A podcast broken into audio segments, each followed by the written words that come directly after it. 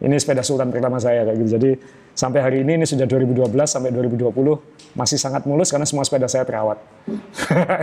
Om Ray ini yang kurang merawat biasanya. Saya juga om, biasanya sini ada sawangnya. Saya ngerawat laba-labanya. Laba-labanya.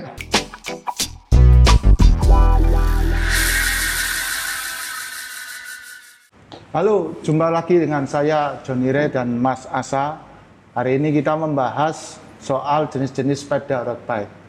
Beberapa hari yang lalu saya baru diberi pertanyaan sama salah satu follower di IG tanya tentang pilihan mana yang baik, sepeda polygon yang tipe 900 itu atau yang tipe C. Menurut dia yang satunya lebih aero, yang satunya climber. Dia ingin membeli, dia ingin memilih eh, menunggu masukan dari saya. Nah, perlu kami jelaskan sebelumnya bahwa sepeda road bike itu walaupun bentuknya cuma dua segitiga yang digabung, tapi sebetulnya itu banyak jenisnya. Ya, yang paling kita ngomong yang paling ekstrim di sebelah satunya ini yang ingin orang banter-banteran, yang ingin cepat-cepatan itu bi- biasa kita sebut sepeda time trial dan ada lima eh, apa lima jenis road bike, tapi yang paling sisi yang satunya road bike yang ingin dibawa ke daerah kasar-kasaran, yang ingin dibawa ke medan off-road itu gravel bike. Nah, di tengah-tengahnya ada beberapa macam road bike eh, jenis lagi. Tapi eh, perlu kita tahu kalau yang time trial bike ini jangan dipikir harus ringan, ah, jangan dipikir ini eh, time trial itu eh, modelnya akan nyaman untuk dipakai, jangan karena time trial ini sepedanya sangat khusus, bentuknya aja eh, sangat kalau orang biasa lihat ini ini antara naik triplek dibolongi atau naik sepeda ya kan hampir nutup semua gitu ya.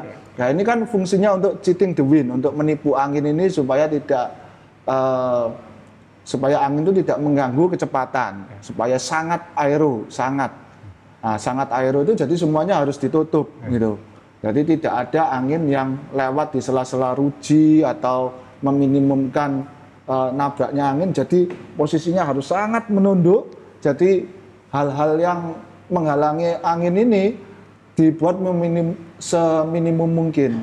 Nah, ini sepeda time trial. Kalau ah, nanti kita akan bahas satu persatu, mulai sepeda time trial, sepeda aero, climber, dan eh, terakhir nanti kita akan bahas sepeda gravel. Jadi itu Ini untuk ini untuk menjawab ya. Maksudnya kan banyak Iya. orang masih bingung apa sih itu sepeda aero. betul. Oh, sepeda aero itu nggak bisa dipakai nanjak ya? Kan kadang-kadang kayak gitu. Betul, Atau ya. berarti kalau sepeda climber itu kalau sprint kalah ya gitu. Ya. Nah, padahal ini kan persepsi-persepsi kan sebenarnya kayak Ya. gitu. Jadi ya nanti eh, Om Ray tadi bilang kita akan membahas satu persatu dan kita kasih contoh-contohnya ya. Ya. Kayak gitu. Jadi eh, itu tema kita memang eh, sepeda aero atau sepeda climber karena memang pertanyaan-pertanyaan tadi memang kita harus memahami banyak orang belum tahu kan beli Helios 900 atau beli seri C. Ya. Mana yang lebih aero kan kayak betul, gitu. Ya. Padahal aero itu kan sebenarnya bukan sekedar mana yang lebih aero itu Ya, menjawabnya jadi tidak bukan- gampang gitu ya. Bukan eh, bukan nama itu kan, Ya. itu kan bentuk ya. Jadi Ya. kita ketika kita ngomong aero itu menurut saya ya kita lihat sepedanya aja ini aero apa enggak kan begitu. Ya. Bukan oh ini saya kasih nama aero bike gitu. Ya, ya itu terserah aja ya. Misalnya nama saya diganti Johnny Aero kan bukan berarti saya orangnya aero jelas lebar gini kan gitu. Jadi kan lain gitu. Kalau ada orang bentuknya tipis walaupun namanya si gendut gitu walaupun dia kecil ya ya nggak cocok gitu loh kan dia tetap dia tipis gitu. Jadi moga-moga podcast ini nanti bisa membantu pendengar memilah-milah istilah marketing juga ya. Iya. Supaya jangan sekedar bilang ini aero gitu. Padahal iya. belum tentu yang aero itu lebih aero daripada yang enggak kan kayak gitu. Iya. Jadi nanti eh, kita akan bahas. Tapi Om Ray, mohon maaf ini saya harus menyampaikan dulu karena eh, kita harus terima kasih podcast ini sudah nggak terasa sudah episode 15 Oke. Eh, dan kita mendapat dukungan dari MPM distributor Honda Oh. sebagai eh, sponsor podcast kita ini Iya. yang beberapa waktu lalu kita menampilkan Honda PCX, PCX kayak gitu karena memang kita sekarang kalau goes dikawal pakai Honda PCX dan itu enak bisa bawa macam-macam, Om Rey bisa naruh apa namanya Makanan, ya. makanan dan lain-lain di situ. Bontotan, ya. ya bontotan. Jadi uh, itu solusi yang asik buat uh, buat bersepeda. Uh, jadi kita ingin mengingatkan uh, Honda PCX ini mungkin paling cocok untuk cyclist atau yang pengen punya motor yang yang Untuk ngawal itu. untuk ngawal atau untuk kebutuhan sehari-hari karena bisa banyak kegunaannya. Jadi ada smart key sistemnya tanpa kunci kontak, pakai remote. Wah asik ini. Alarm anti maling dan answer back system. Wah ini kalau sepedanya hilang, motornya pasti enggak. Kemudian ada full digital panel meter.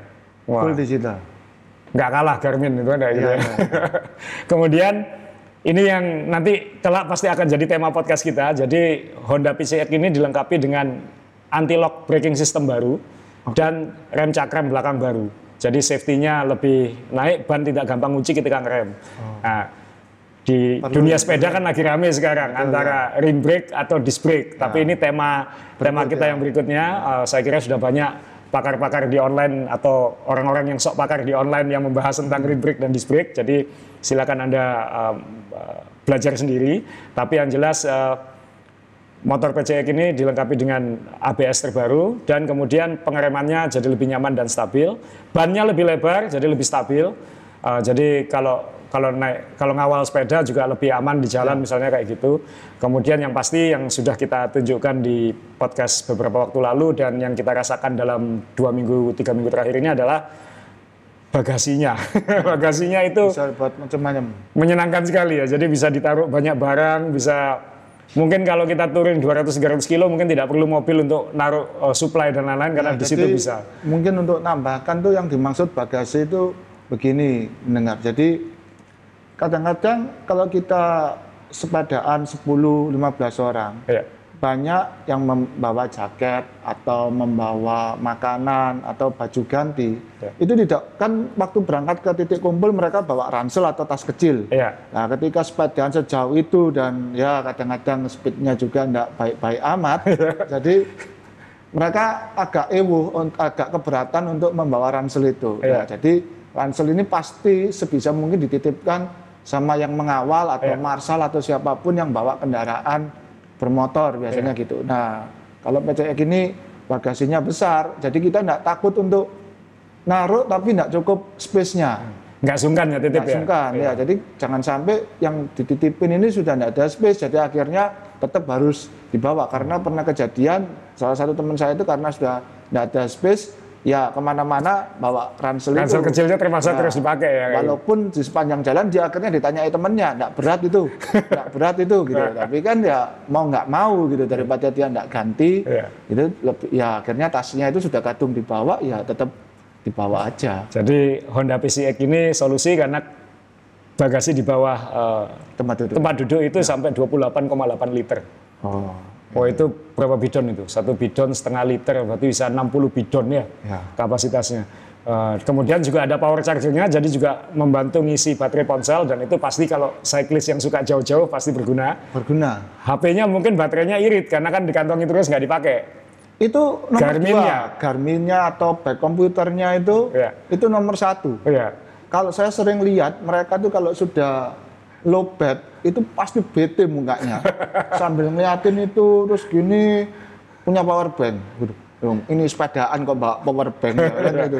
Nah, kalau ada sepeda ini kan bisa dititipin dulu. Iya. Tetapi ya jangan jangan Garminnya dibawa naik gunung nanti PR-nya dapat semua kan. karena, Gara-gara- karena ikut motor ya. ikut motornya ini yang nggak boleh ya. Ya, jadi ini eh, ini kebutuhan yang eh, tidak banyak tahu ngecharge Garmin apalagi model-model lama ya. Model-model Ya. lama ini kan baterainya kan Terapas ya.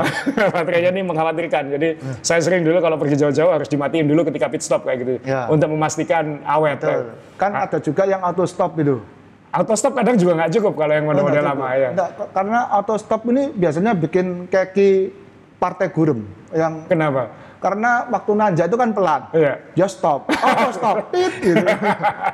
Jalan sedikit lagi tit nyala. Kan jadinya nggak nikmat kan ya? Iya.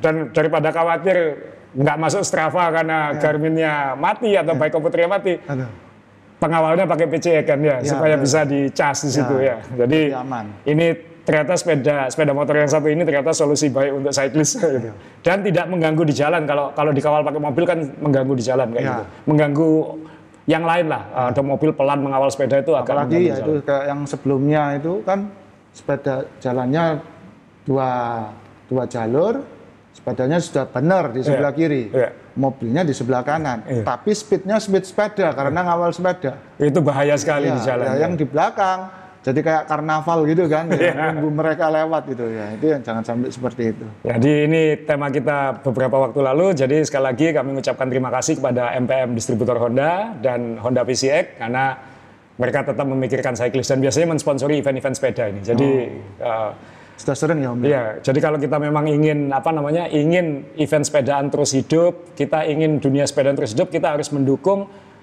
produk-produk atau perusahaan-perusahaan yang mensponsori event sepeda. Itu itu hukum alam. Kalau kita mensponsori, eh, if- eh, kalau kita mendukung sponsor event sepeda, maka dia akan terus mendukung, maka event sepeda akan bisa terus hidup. Jadi karena timbal baliknya di situ ada imbal baliknya di situ. Jadi terima kasih kepada MPM distributor Honda. terima Jadi kasih, itu MPM. tema kita. Nah sekarang kita kembali ke ke tema kita tadi, mengingatkan lagi eh, jenis-jenis sepeda road bike. Eh, tadi Om Joni sudah membahas ada lima, lima jenis ya kan kalau kita kelompokkan.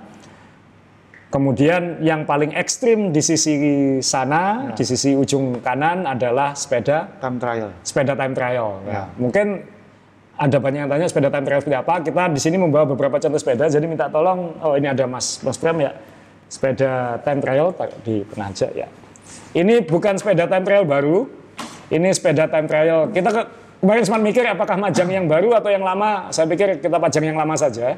Eh, jadi ini sepeda time trial eh, Pinarello Grail tahun 2010-2011 sebenarnya. Ini sepeda asli bekas Team Sky. punyanya Richie Port oh ini yang barusan naik podium ya ya ya di Tour de France. Jadi waktu eh, ini masih Pinarello masih Pinarello. Mungkin Om bisa bantu diputar balik ya. Eh, Mas Prem tolong diputar balik untuk menunjukkan ya. Putar balik, makasih. Ya, terima kasih. Jadi eh, ini untung kita pakai clip on. Jadi kalau kita gerak-gerak eh, suaranya masih bisa terekam. Kadang-kadang ada yang komen nanya kenapa kok masih pakai clip on ada ini karena kadang-kadang kita gerak. Jadi kita butuh eh, mic yang terpisah. Jadi ini Pinarello Grail tadi saya sampaikan ini sepeda bekasnya Richie Port asli kita beli dari Team Sky. Ini dipakai oleh Richie Port sampai jadi bukan anu- 2012. Kenapa? bukan replika ini ya Bukan, ini asli sepedanya Richie Port. Jadi kalau dilihat ada namanya di sini di depan. uh, Ini ada namanya spe, uh, Richie Port di sini. Jadi sepedanya memang agak kecil karena dia memang uh, tingginya 170. Jadi ukurannya 465 ini kalau yang ngerti Pinarello. Jadi ini sepeda time trial 10 tahun yang lalu, kira-kira seperti ini. Jadi kebetulan ini masih saya pasang pakai wheelset biasa di belakang. Uh, sebenarnya ada disc wheel yang tadi yang nutup itu yang, yang- triplek itu ya yang kayak triplek itu ditutup semua ya jadi itu lebih aero tapi tergantung medannya kalau medannya sangat berangin biasanya pembalap tidak mau pakai yang menutup tadi. Menutup belakang karena Chris Froome cedera karena naik sepeda ini dan terhempas angin kayak gitu. Jadi maksudnya sepeda time trial ya? sepeda time trial. Jadi sangat sensitif terhadap terhadap angin karena dia dirancang untuk membelah dari depan tapi kalau memang angin dari samping itu sepeda apa pun pasti ya kayak layar gitu. kayak layar ya. Jadi ini sepeda tahun dua- dua- dipakai 2010 sampai 2012 sudah eh, Shimano dia itu waktu itu. Jadi ciri sepeda time trial adalah satu bentuknya memang pipih ya karena membelah angin. Eh, sekarang juga makin ekstrim apalagi sekarang kabel-kabelnya sudah di dalam di dalam semua tapi sampai 10 tahun yang lalu masih seperti ini dan ada tanduknya, ada time trial barnya ini di depan, di depan. magang. Karena posisinya adalah pembalap itu harus kalau dilihat dari depan dia harus setipis mungkin. Hmm Jadi ya ya ya ya karena tahanan angin utama dari bersepeda adalah badan badan, bukan sepedanya. Jadi percuma kalau sepedanya aero orangnya beratnya 100 kilo kan kayak gitu kan ya. ya enggak apa-apa om kalau 100 kilo tapi gepeng ke belakang gitu. tapi kan enggak ada ya Nggak ada yang kayak Ya, gitu. masalahnya 100 kilo itu biasanya melebar. Melebar, Iya. gitu. Jadi ya ini memang dirancang untuk jadi posisinya sangat ekstrim. Eh, ini kebetulan eh, saya fittingkan untuk badan saya karena sempat saya pakai juga kayak gitu eh, agak kekecilan sedikit. Jadi memang posisi itu memang sangat menyakitkan. Eh, saya mungkin tahan maksimal satu jam. Mungkin kalau yang orangnya lebih kecil-kecil dan sepedanya kecil dia mungkin bisa lebih nyaman ya karena kan memang eh, lebar bahunya dengan aerobarnya tidak terlalu jauh. Oh, jadi posisi baunya juga dipaksa untuk mengecil gini. Ada pembalap yang suka sangat nukik ke bawah, ada yang masih agak tinggi tapi dia sempit kayak gitu. Jadi tergantung mana yang dia paling nyaman. Karena yang paling utama kan bagaimana dia bisa mentransfer powernya ke, Ke pedal. keren, ya. Karena sepeda seperti ini memang tidak ringan, pasti tidak ringan, eh, tapi speednya memang luar biasa. Eh, saya dan eh, teman-teman pernah ikut lomba ITT gitu. Kalau pakai sepeda begini misalnya kalau kita pakai road bike biasa nahan 38 km per jam dengan 250 watt. Kalau anginnya kencang itu susah. Kalau pakai ini dengan watt yang sama itu bisa 42 43 km per jam. Jadi memang memang eh, dirancang untuk sangat efisien membelah angin dan ini kalau kita lihat kemarin di Tour de France kan eh, Pogacar, eh, Tadej Pogacar dia merebut juaranya di etapa time trial. Di saat datar dia pakai sepeda seperti ini, tapi di saat nanjak dia ganti sepeda pakai sepeda road bike biasa. Jadi eh, dipakai di tanjakan memang ini memberi siksaan dan kenikmatan yang berbeda kayak gitu. Jadi fittingnya juga lebih kompleks. eh, saya kira ini kira-kira sepeda time trial itu kayak gini. Jadi ini ini belahannya ke sepeda triathlon ya. Sepeda triathlon kan juga banyak yang seperti Ya, ini. mereka soalnya ketika triathlon cenderungnya kan Sendiri-sendiri. eh, flat, Ya. ya. pasti sendiri dan juga flat ya, Ya. ya jarang yang naik. Kenapa kok harus aero seperti itu? Kenapa kok nggak ini dipakai di peloton? Nah itu betul. Nah, itu kan saya juga heran karena saya pernah melihat waktu Bromocom. Bromocom ini, Bromocom itu kan ada 60 kilo datar, Betul, ya. kemudian ada hampir 40 kilo nanjak. Ya. Ada orang itu ketika datar naik sepeda ini, Ya, ketika nanjak pakai sepeda. di sepeda. Saya sih terus terang ya it- it's a good idea. Ya, Kayaknya it's a good idea, tapi harus dipikir. Lah ketika dia naik sepeda ini, dia capek sekali itu 60 kilo. Kan 60 kilo itu, apa eh, datarnya Bromo itu kan. 60 kilo dia kayak begini di tengah peleton. Nah, jadi sebetulnya sudah tertutup. Sebenarnya Ya, dia- ang- anginnya itu sudah terlindungi Iya. oleh. Dia tidak perlu membelah angin ya. Ya, sudah tertutup peleton itu kan. Yang membelah angin kan Omre, saya sama road captain road captain yang ada di depan itu kan ya. Ya, kita yang sudah membelah angin belakang santai aja tenang kayak gitu. Nah jadi kadang-kadang saya nggak tahu apakah orang Indonesia ini terlalu pintar atau seperti apa. Jadi kadang-kadang saya sering ketawa sendiri melihat solusi-solusi yang dilakukan orang-orang itu. Jadi sepeda ini dirancang untuk lari sendirian. atau mungkin tim time trial ya ketika dia urut kayak begini gitu. Ya, tapi paling enggak kan eh ya ini kadang-kadang ya maaf ya. Yang iklan itu kalau memberikan pesan Iya. itu kan kadang-kadang juga enggak bisa menyesuaikan sama pendengarnya ya. Ya, jadi ketika dia ngomong ini untuk flat, bander, Iya. keras, cepat. Iya. Nah, kan yang nerima ini mungkin eh, nggak ngerti, oh kalau datar saya pakai sepedanya seperti ini. Iya. Menurut dia cepat, memang. Iya. Tapi iklan itu tidak menuliskan di bawahnya. Iya. Tapi tetap capek loh. Nggak ada. Ya. Atau mungkin lebih capek Ya, gitu ya. atau mungkin lebih capek. Iya. Itu nggak ada tulisannya seperti itu. Jadi mereka pikir cepat, cepat sama dengan tidak capek. Padahal bukan tidak berarti seperti itu kan. Iya. Gitu loh. Jadi ya itu tadi masih masih banyak belum belum paham atau mungkin eh, ada masalah pemahaman yang lain bahwa sepeda ini dirancang sebenarnya untuk lari sendirian atau di depan. kan. Kalau tim time trial kan hanya beberapa pembalap dan dia gantian di depan jadi harus harus secepat mungkin kan itu. Dan itu dalam kondisi jalan jalan steril. Ini mungkin di berikutnya yang sponsor Koyo ini. Iya, Iya. bisa jadi. Iya. Karena memang sadelnya biasanya memang pendek-pendek. eh, jadi sebelum tren sadel pendek itu. Kalau nunduk gitu biasanya Uh. punggung ini kan habis itu nggak bisa nggak bisa tegak. Ya kalau pembalap-pembalap kan sudah kuat ya. kalau bisa latihan. Kamu pernah naik sepeda ginian? Nggak. Gak pernah? Nggak. Dulu waktu saya masih 10 kilo lebih kurus dari ini, saya suka naik ginian. Sekarang nggak nggak tahan. ya. Soalnya kalau saya naik percuma. Kenapa? Ya sepedanya aero orangnya enggak. orangnya lebar, percuma. jadi jadi mubazir ya? Iya. Dan lagi pasti berat. Jadi kaki saya sudah tersiksa, Ya. ketabrak angin, Ya. juga nggak bandar. Nah, Dan nggak nyaman juga. nggak, nyaman juga. ya. Dan kalau pakai kacamata agak susah karena kan posisi posisi kepalanya kira-kira di sini. Jadi Ya harus sangat jadi begini, ya. jadi ngelihat ke depannya lebih susah ya. Apalagi kalau pakai helm itu memang kayak nggak ada suara angin gitu, tapi panasnya luar biasa dan apa? eh, memang tidak dirancang untuk 7 jam atau 4 jam di jalan. Ini Oh. ya kira-kira kurang lebih yang namanya time trial itu satu jaman kayak gitu. Jadi kalau ada yang memakai lebih dari itu ya biasanya memang saya bilang lagi kalau orangnya agak kecil biasanya lebih gampang karena kan sepeda kalau kecil kan memang lebih lebih simpel ya sandalnya nggak tinggi segala ya. macam lebih lincah. Jadi tapi kalau yang tinggi-tinggi buat harian ini sangat tidak praktis kayak gitu. Ya terserah kalau memakai kan kita tidak melarang orang punya pilihan kan Yang gitu. jelas kita berusaha menjelaskan fungsi dari sepeda, sepeda ini. sepeda ini. Oke, ini ini yang paling ekstrim sebelah sana ya. Ini contoh dari 10 tahun yang lalu, jadi bukan yang paling modern. Yang paling modern lebih ekstrim lagi bentuknya. Eh, Mas Pram bisa tolong diambil. Eh, mungkin Mas Yan bisa bantu ambilkan sepeda aeronya Om Rey. Eh, sama saya akan ngambil sepeda aero saya. Itu sebelahan ini ya. Kita ini ada dua sepeda aero kira-kira beberapa generasi eh, berbeda ya. Saya sudah lama ingin nampilin sepeda ini karena ini hadiah ulang tahun dari istri saya dulu tahun 2012. swayang. Jadi eh, ini katanya ya langka sih Eh, di Indonesia ada beberapa dulu, cuman mungkin yang kondisinya masih asli mungkin punya saya. Eh, jadi ini specialized eh, S-work eh, McLaren Venge ya, Venge tulisannya Venge. Ini bukan Vince yang bukan Vinge yang biasa nih Bro. Ini yang edisi McLaren ya. McLaren. Yang, yang karbonnya waktu itu beda. V12, enggak. Em, saya sampai lupa ini speknya apa. Ah, anu jenis karbonnya ya. Enggak, anu V12 kan mesinnya biasa Oh, gitu. V10 McLaren ya. V10, V10, V12 ya. ya. Honda V12 dulu ya. Jadi ya ini memang dulu ada kerjasama antara Specialized dengan McLaren Technology. Jadi mengembangkan sepedanya bersama. Jadi tahun 2012 ini sepeda aero paling paling dicari lah ya, paling paling wah waktu itu apalagi Mark Cavendish pakai sepeda ini. Dan Eh, juara. juara dunia dia naik, Sering naik Vans ya. ya.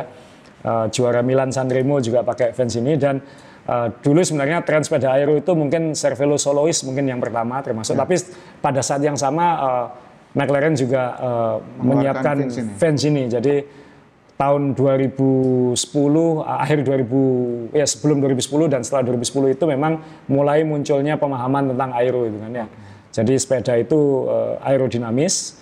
Uh, jadi waktu itu ini zip handlebar yang pipih pipih yang salah satu yang awal mungkin ya ini kan kayak gitu ya. Sebelum waktu itu belum umum handlebar pipih uh, Dan masih belum integrated sama stem ya. belum, masih belum. Jadi stemnya waktu itu yang penting hanya kaku gitu aja. Jadi dibuatkan stem yang besar-besar begini supaya ketika pembalap itu Ngongkek apa Oh.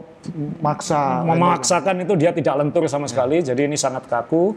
Uh, dan waktu itu ini ini yang termasuk yang paling canggih secara aero karena zip 404-nya ini zip yang hanya untuk dibuat untuk fans ini. Oke. Jadi uh, tidak dijual bebas. Uh, bedanya mungkin hanya detail ya kayak di hub dan lain-lain. Tapi ini zip tubular yang yang khusus dibuat untuk sepeda ini.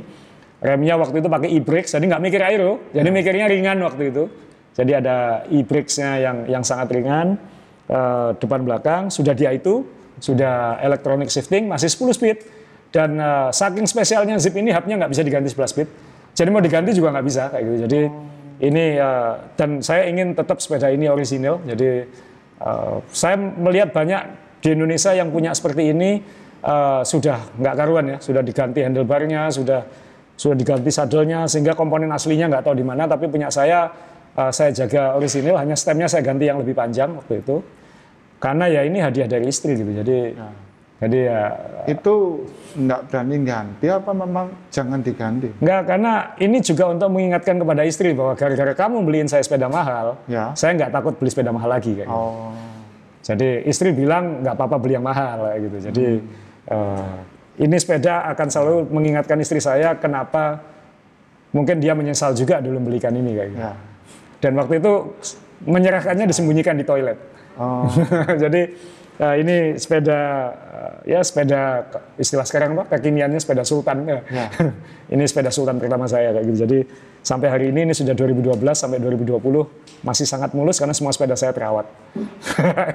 Om Rey ini yang kurang merawat Saya biasanya. juga Om, biasanya sini ada sawangnya. Om. Saya ngerawat laba-labanya. Laba-labanya.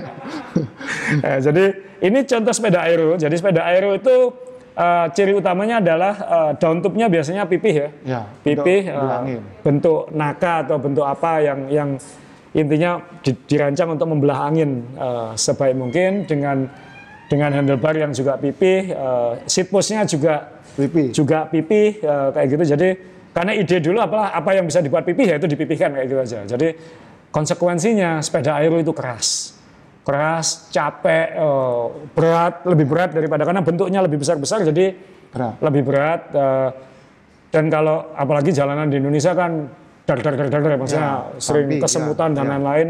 Eh, jadi sepeda aero kadang tidak praktis. Kemudian sepeda aero berevolusi, banyak merek terus mengembangkan. Yang salah satu yang paling mutakhir itu yang dipegang Om Rey ini Ya. salah satu sepeda kesayangannya Om Rey ini karena dipakai datar, dipakai nanjak, dipakai ke mana-mana, dipakai 300 kilo. Ya. Eh, Om Rey suka pakai sepeda ini, Eh, bisa dijelaskan Om Rey? Ya karena ya gimana ngomong? Ini 2020, Ya. ini 2012 ya. Ya ini memang eh, 2000 nah 2019 19. Iya. awal ya. Ya.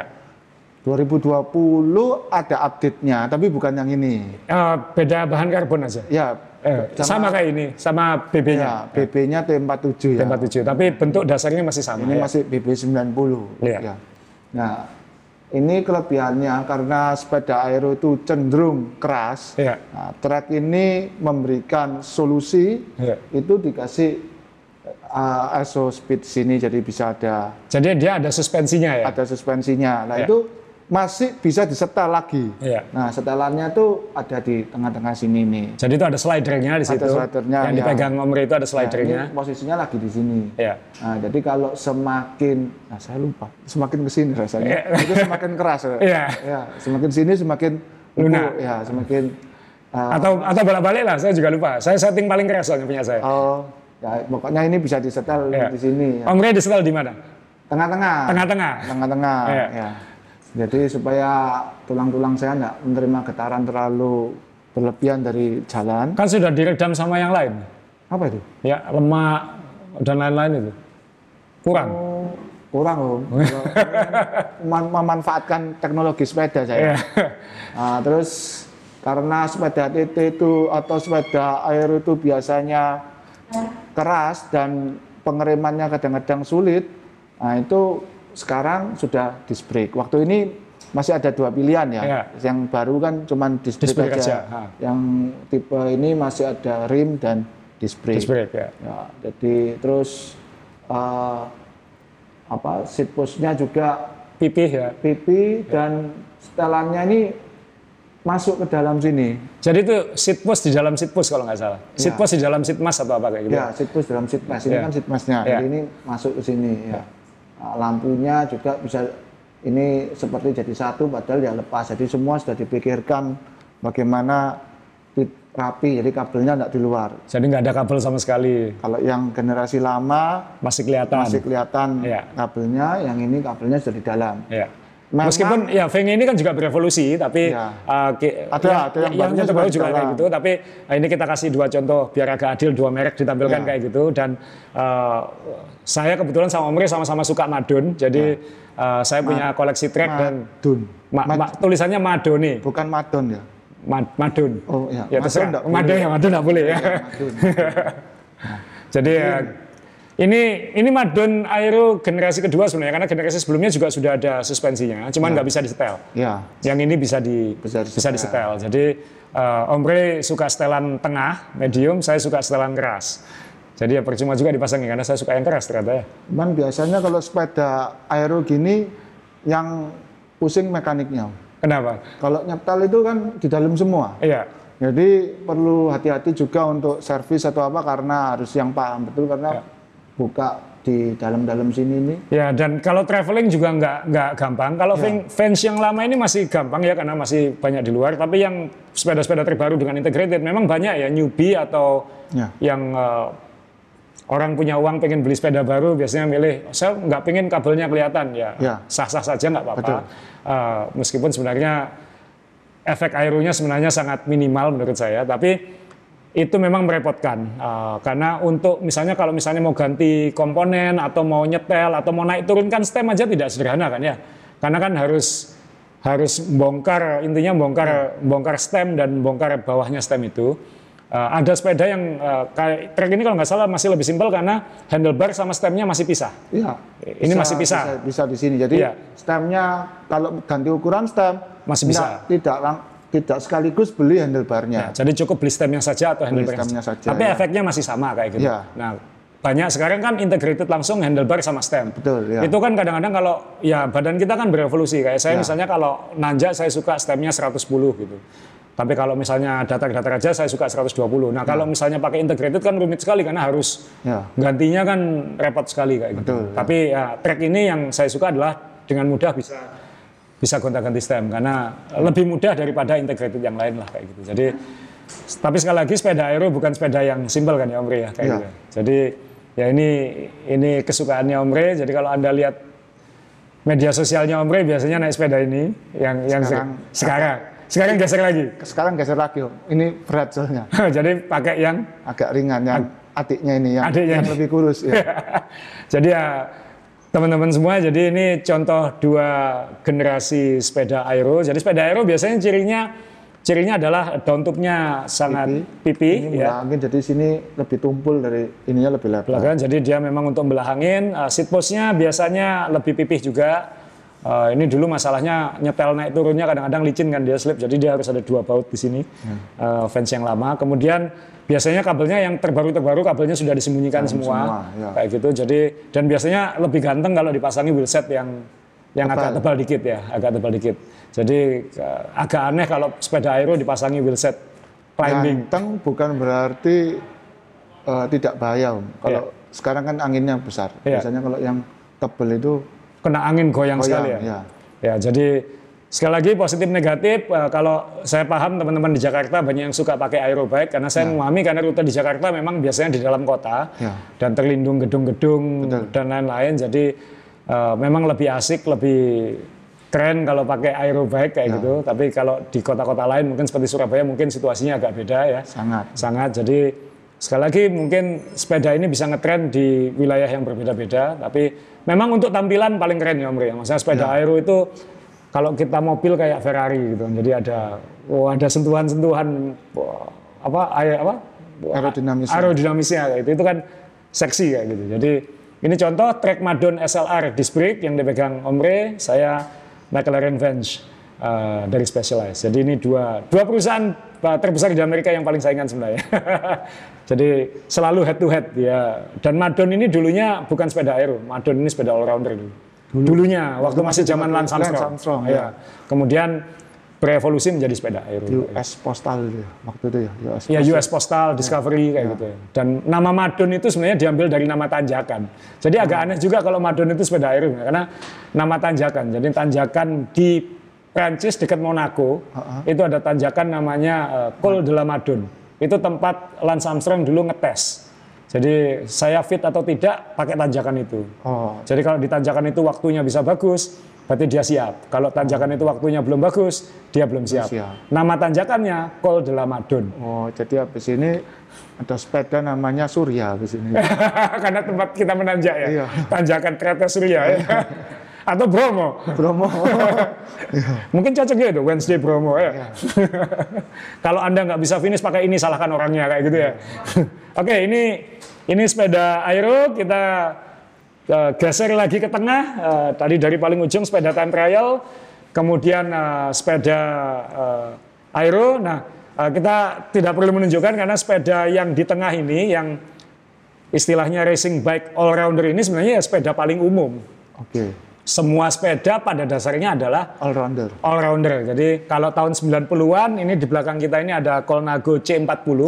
Ini uh, Cikal bakalnya yang menang ini Om ya. ini ya ini cikal bakal ya karena Colnago sekarang lagi naik daun karena juara Tour de France 2020. Uh, timnya namanya Wah, UAE uh, UAE Tim Emirates ya, UAE. Uh, UAE itu dulu nama timnya Lampre. dulu. Ah, ya. Dulu Lampre. Sebelum berubah nama Eh, ya. Sebelum berubah nama. Nah, Lampre itu dulu pernah juga pakai Colnago di tahun 90-an. Eh, Lampre sepeda yang dipakai ini, ini Lam, eh, Colnago Lampre tahun 95 ini. Tahun 95. Percaya atau tidak, sepeda ini bukan hanya dipakai di tanjakan. Ini sepeda sebenarnya disetting untuk Paris Roubaix ini. Oh, Untuk jalan-jalan berbatu. Jadi, jadi ada empuknya sebetulnya. Eh, bukan punya tapi zaman dulu ya memang adanya sepeda jenisnya ya hanya itu gitu jadi satu sepeda untuk segala medan untuk datar untuk nanja untuk jalan batu-batu ya satu sepeda makanya disebut ya racing bike itu ya sebenarnya kan satu kan sebelum Satu, ada ya. sebelum ada evolusi aero sebelum ada evolusi apa evolusi suspensi dan lain-lain semua sepeda itu adalah sepeda all rounder kayak gitu aja. jadi ya dan kebanyakan sepeda yang ada di sekarang kayak Pinarello Dogma Ya. itu all rounder sebenarnya kan. Ya. All rounder dengan yang makin lama ada fitur aeronya kayak gitu, tapi masih all rounder. Kemudian kalau specialized ada tarmac kayak gitu. Kemudian kalau track sekarang Emonda kan ya. Ya. Emonda itu kan all rounder climber yang Agak ke climber. ya. agak climber tapi sekarang dibuat aero juga. Ya. Jadi dia memang dirancang ya ya climber. All rounder akhirnya. Ya akhirnya ya all rounder banget. Jadi ini contoh dulu ya kayak gini. Ya, ini sepeda karbon tahun 95. eh, tim Lampre di World Tour pakainya ini. Eh, kemudian eh, Wednesday AJ1 eh, Ya. di belakang saya ini juga all rounder. Ini untuk segala medan. Jadi satu sepeda untuk segala kebutuhan. Eh, dan sebenarnya kan sepeda all rounder juga bisa dibuat aero, Om Ri. Apanya? Kan gampang, tinggal ganti misalnya handlebarnya di, dipak- dipi- diganti yang pipi. Ya. Itu menolong. Toh dulu juga sebelum tren sepeda aero adalah tinggal ganti handlebar pakai yang pipi aja itu membantu sedikit di depan. Jadi aero itu sederhananya untuk membelah angin gitu ya. Iya, ya lebih lebih membantu membelah angin intinya kayak gitu. Nah kemudian eh, atau wheelsetnya pakai wheelset yang besar ya kan. Yang tebal. Jadi kalau misalnya di datar sepeda all roundernya pasangi aja wheelset yang Tebal. tebel itu pasti Lebih, lebih aero. lebih aero, lebih belah anginnya juga pasti lebih efisien. Eh, kemudian eh, kasih sentuhan-sentuhan aja kayak misalnya eh, pakai botol cage yang kecil kan itu kan ada supaya kadang kan botol itu juga ganggu Ya, bundar gede. bundar dia dia ganggu angin. Ya. Pakai yang pipih misalnya kayak gitu. Jadi sebenarnya sepeda all rounder pun bisa dibuat aero. Ya, pasti tidak se-aero sepeda-sepeda aero tapi harus diingat 80% yang menabrak angin adalah Badan. badan kita, Ya. bukan sepedanya. Jadi percuma kan sepedanya biasanya kalau di istilah marketing kan ini dirancang 7% lebih aero dari generasi sebelumnya. Betul, ya. Oh, itu kan banyak sekali kan ya? Ya. Oh, handlebar Dari ini generasi sebelumnya. dari generasi sebelumnya handlebar ini membuat eh, 5 watt atau 7 watt lebih efisien dari yang yang Sebelumnya. sebelumnya kayak gitu. Kadang-kadang kita harus bertanya, di tesnya itu sepedanya doang atau dengan orang? Oh ya sepedanya pasti. Ya kan sepedanya ya. Ya, Jadi bukan orangnya. Jadi eh, kalau kita berpikir kritis adalah kita harus menanyakan itu ngetesnya pakai eh, orang atau tidak. Mungkin ada yang pakai orang, mungkin ada yang tidak. Kan pasti tidak semudah itu menyimpulkan kayak gitu. Eh, kebetulan eh, saya pernah nanti mungkin minta tolong tim menampilkan foto. Saya dan beberapa teman pernah tahun 2015 ke Amerika waktu itu. Kita ke Morgan Hill ke markasnya Specialized Ya. dan kita waktu itu diajak masuk ke wind tunnel ya, ke terowongan anginnya itu. Dan kita didemokan waktu itu. Jadi saya waktu itu Om John Bumi Harjo yang Ya. partner saya di WNC, kita disuruh duduk di waktu itu Ven- Vance Vias ya, yang yang paling aeronya waktu itu. Kita disuruh duduk di sepeda itu, lalu semua keluar, lalu terowongan anginnya dinyalakan. Jadi apa? eh, biar kita bisa merasakan bagaimana eh, eh, terowongan angin itu berfungsi, ditunjukkan bagaimana cara menghitungnya. Jadi memang memang eh, makin lama teknologi dan eh, influence dari teknologi itu memang membantu sepeda kan kayak gitu. Dan saya kira semua pabrikan yang mendesain sepeda aero pasti melakukan uji aerodinamika, entah itu lewat terowongan angin beneran atau pakai uh, simulator komputer kan, pakai Oh, iya. pakai uh, itu ya. eh, pakai kan ada simulasi komputer kan ada untuk untuk angin kayak gitu. Jadi uh, ya waktu itu cukup kagum juga sih dalam artian. Tapi kan tetap hasilnya sepeda yang berat dan sepeda yang keras kayak gitu. Jadi uh, Karena bagaimanapun di tas itu anginnya, bukan speednya kan. bukan speednya kayak Karena gitu. diem terus anginnya suruh lewat. Suruh lewat. Jadi dia angka pastinya bisa dapat. Tapi kan kadang sepeda itu miring begini. Ya. Angin itu kan juga tidak pasti dari depan. Angin itu kan ada yang nyerong, ada yang Betul, dari samping, ada dari belakang. Jadi memang uh, dunia nyata uh, tidak seindah itu. tidak seindah itu kayak gitu. Jadi sekali lagi kalau memang ada uji ter- kalau itu diklaim sekian lebih cepat, sekian lebih cepat ya kita harus kritis juga lah. Kalau anginnya dari depan. Uh, Kadang memang tesnya juga disimulasikan lah, sepedanya dimiringkan atau apa. Tapi uh, sekali lagi mungkin manekin yang dipakai sebagai simulator, Ya, mungkin badannya kayak atlet dan kayak gitu. betul pasti. Iya, kan saya pengen tahu kalau sepeda aero diuji pakai atlet sumo misalnya di atasnya. Itu efeknya seperti apa? Kan kita itu kan lebih dunia nyata kan gitu. Jadi kadang-kadang saya lucu juga ngelihat orang, wow ini full aero, full aero kan gitu kan ya. Dia pakai sepeda aero bike, pakai helm PP yang ada lancip di belakang itu, wow, pakai sarung tangan aero gitu. Ya. Tapi Sepatunya ada tutupnya itu. oh ya. sepatunya dibungkus, wah, supaya licin kena angin kan kayak gitu ya. Tapi uluan loh. tapi berbulu ya. Ya, ini, ini tema lain lagi nanti. Bahwa ternyata cukur bulu itu bisa lebih aero. kayaknya. Eh, tetapi tema lain lagi. Tapi ya tadi semua sudah serba aero, tapi dia lupa berat badannya masih 110 kilo kayak gitu. Nah tadi itu Iya. karena berat itu enggak bisa kita suruh seperti saya gini tipis terus panjang ke belakang kan enggak. Berat Iya. itu biasanya ke samping kan. Samping, ya. jadi Jadi ya kita realistis saja lah bahwa layar, ya maksudnya ya ini aero tapi ya kita harus memikirkan untuk keperluan sehari-harinya kan kan kayak gimana ya Mri ya maksudnya ya itu tadi kadang-kadang sepeda TT dipakai di peloton eh, full aero tapi dia lupa kalau badannya nggak aero kayak gitu kan ya. Ini ide jersey bagus Om ya nanti saya buat itu. Ya kan jersinya Om Ri, Johnny Ray kan lucu-lucu biasanya mungkin nanti ada yang aero bike, un aero aero cyclist itu kan. ya. Yang paling enggak kan gaya dulu. Kayak dulu. Punya dulu, punya dulu. Oke, itu tadi sudah tiga ya, time trial, kedua aero, kemudian all rounder. Ya. Nah sekarang kita geser ke arah yang lebih eh, jalanan lebih lebih kasar kayak gitu. Ya. Nah, ini saya, saya ingin menunjukkan karena sempat ada kategori yang namanya endurance bike dan itu hingga lima tahun yang lalu ini kalau di Amerika ini termasuk kategori sepeda paling laris. Oh, Jadi ya, contohnya ada Specialized Roubaix, Ya. kemudian ada Cannondale Synapse, ya. kemudian eh, ada Trek Domani ya. Mana ya. Domani. Jadi ya kebetulan karena saya peng, penggemar- kolektor trek dan saya penggemar Fabian Cancellara, Ya. jadi yang saya tunjukkan ini sepeda endurance-nya Fabian Cancellara ya. Jadi terima kasih. Weh. Om Ray bisa dibantu pegangin ya. Ya, ini Jadi- masih ada gambar Spartacusnya. Spartacus. Jadi ya saya sudah sebut di podcast sebelumnya saya penggemar Fabian Cancellara. Jadi kalau Fabian Cancellara sepedanya apa, saya biasanya beli lalu bikin replikanya. Hmm. Replikanya itu dalam artian eh, coraknya sama. Jadi ini edisi Spartacus. Ini 2013 ya, ini bukan sepeda baru. Eh, ini eh, Trek Domani tahun 2013.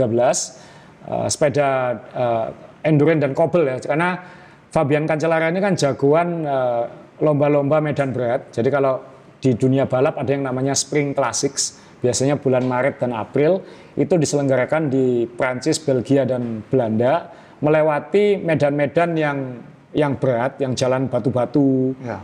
oh, jalan Jalan batu, batu bata dibuat jalan itu Iya, ya. Mbak? bukan batu bata, batu benar-benar batu. ya, batu jalan batu-batu dan itu eh, intinya harus pembalap yang strong untuk bisa juara di situ. Climber biasanya mental semua di situ, kayak gitu. jadi harus strongman untuk jadi juara dan sepedanya juga harus sepeda yang yang tangguh. Jadi road bike tapi dibuat lebih. Jadi kalau kalau mobil itu kayak muscle car gitu. Jadi sepeda ah, jadi pembalapnya lebih lebih berpetinju kayak lebih lebih tangguh untuk supaya tahan di atas jalanan batu-batu itu kan karena speed tinggi di batu-batu saya pernah merasakan tahun ke Belgia waktu sama teman-teman itu memang menyiksa sekali jadi kalau pakai kacamata kacamatanya bisa goyang kita bisa nggak lihat jalan kayak gitu jadi Itu orangnya di sepeda juga gini. waduh itu itu bukan jalan paving seperti yang kita lewati di perumahan bukan batu-batu kasar banget ya batu-batu yang membuat sepeda terpantul-pantul lah ini kayak gitu Jadi ban depan itu juga bisa anu bisa ke pleset-pleset gitu. Oh, sangat sangat apalagi kalau hujan. Itu itu risiko sekali. Jadi eh, akhirnya produsen-produsen membuat sepeda yang dirancang untuk itu, yang bisa ke medan-medan berat itu. Jadi eh, waktu itu yang yang juara karena Spartacus juara, Cancellara juara, jadi saya saya bikin replikanya waktu itu. Ini Trek Domani 2013. Jadi Domani ini istimewanya eh, Om Rey di ada iso speed tadi yang dibilang suspensi Ya, itu. sininya. Ya. Ini sebenarnya yang pertama memakai Trek Domani ini. ISO speed ini. ISO Speed ini. Jadi ketika berhasil di track Domani, kemudian di Domani edisi berikutnya bisa di setel tadi keras sama lunaknya, kemudian di Madon diterapkan juga. Oh. Jadi eh, eh, mereka merasa berhasil di sini lalu diaplikasikan ke ke Madon.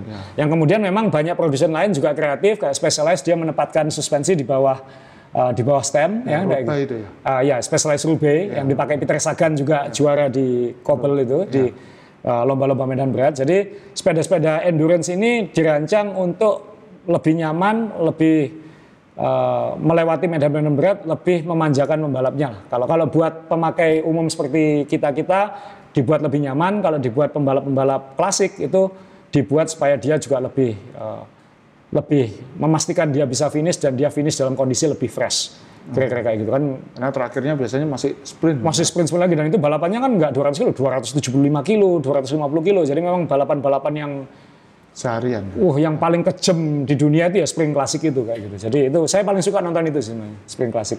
Yang Tahun ini di race ya biasanya. Uh, one day. Jadi balapannya hanya satu hari, tidak ada etapanya. Ya, hari itu aja menang atau enggak kayak gitu. Tapi ada banyak lomba ya. Ya. Ada banyak lomba. Jadi uh, ini ada ISO speed decoupler.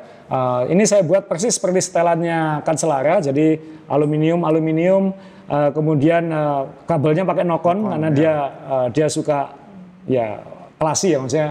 Memang lebih ringan dan juga uh, uh, apa ya kabelnya lebih lincah di dalam. Jadi friksi untuk perpindahan dan remnya juga lebih mulus. Waktu itu kan Waktu itu. zaman itu kan masih kabel masih diutamakan kualitas kabelnya. Uh, Belum memakai elektronik. ya Fabian Cancellara tidak suka elektronik group set dia selalu pakai mekanikal. Oh, jadi mungkin saya bisa paham di medan-medan seperti itu risiko-risiko kerusakan sepeda sangat sangat tinggi. Jadi dia sangat suka mekanikal. Jadi ini disetting Dura-Ace mekanikal.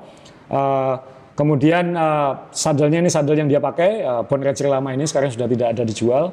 Eh, kemudian eh, apa namanya uh, wheelset karbon Bond Racer wheelset karbon sudah tahan jalan kuat ya jadi nggak nggak terlalu masalah tapi dia bannya waktu itu khusus jadi ban yang saya pasang ini bukan ban apa yang namanya dipakai ini ban tubular dan ini yang dipakai di Paris Roubaix. Jadi ini mereknya FMB. FMB itu eh, merek rumahan Prancis sebenarnya. Itu kayak satu keluarga yang bikin enam orang. Eh, dan itu di- dikenal nyaman, empuk, tapi juga cepat. Jadi eh, mereka mayoritas produksinya digunakan oleh pembalap profesional, bukan untuk dijual umum. Jadi sampai sekarang masih ada kalau anda cari merek FMB itu. FMB. Ya, bahasa Prancis saya nggak enak uh, pronunciation-nya, tapi uh, harusnya ada tulisannya FMB di sini. Ya, agak ya agak susah jarinya, tapi karena memang logonya itu bukan dicetak ya, dia distempel pakai stempel gitu. Oh, Jadi benar-benar handmade ini, handmade dibuat di rumah oleh satu keluarga, dan itu yang dipakai oleh Fabian Fabian Cancellara. Uh, jadi ini setting persis dan Om Re bisa lihat uh, RD-nya di belakang Ya. di depan Om Re, ya bisa ditunjuk oleh Om Re. Nah itu kalau sekarang ngetren yang namanya ceramic speed pulley, Ini. ya dulu kan belum ada. Betul. Jadi dulu uh, Fabian Cancellara pakai merek Banner namanya, merek Ya, Jerman. ini. Oh. Banner atau Banner ya. Jadi uh, full carbon itu, uh, RD-nya full carbon. Uh, jadi ini saya buat settingan Fabian Cancellara, kemudian bottle cage-nya pakai pakai bed cage namanya. Sampai sekarang masih dijual. Ini bottle cage paling murah kalau di track mungkin kayak gitu. Bond Racer yang paling murah, tapi dia yang paling gigit sama botol. Karena kalau balapan di medan berat itu botol sangat mudah terlempar keluar. Jadi Ya, untuk simpelnya kalau kita di sini kena lubang aja kan botol bisa keluar dari bisa lompat. botol cage-nya dan itu bahaya untuk Yang lain kan. yang lain di belakang. Jadi eh, pakai bottle cage itu. Jadi ini sepeda memang sepeda Paris Roubaix, Paris Roubaix atau Tour de Flandres eh, replikanya eh, Fabian Cancellara. Tapi ini bukan sepedanya dia, ini sepeda saya. Cuman saya setting Seperti seperti itu. Eh, Om Re kan juga pernah punya Domane kan ya? Pernah Pernah punya Domane yang John Degenkolb. yang edisi Degenkolb ya. Itu juga pembalap klasik kan sebenarnya ya. Ya. Gimana rasanya naik kalau dibandingin naik sepeda aero sama sepeda sepeda endurance? It- lebih nyaman pastinya. Iya. Lebih nyaman tapi ya pasti lebih berat. Ya. Depannya juga kurang stiff. Ya. Ada mentul ya. Ya karena oh, Anda pakai yang edisi Domane yang baru kan memang ada suspensinya di depan. Ya, Ya, ada suspensi yang di depan, ya. lebih mentulnya. Iya.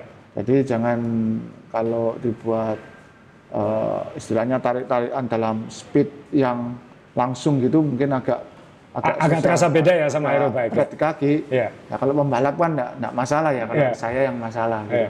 Jadi ya memang eh, ini dia tidak mikirkan ringan, dia mikirkan yang penting eh, Nyaman. nyaman dan terbang dan misalnya dan untuk yang dijual itu biasanya ciri sepeda endurance itu head tube-nya. Head tube itu ini bagian ini ya. Ya. Head tube itu bagian ini Biasanya tebel gede gitu. lebih tinggi ya. Lebih tinggi. Jadi posisi duduknya lebih Naik.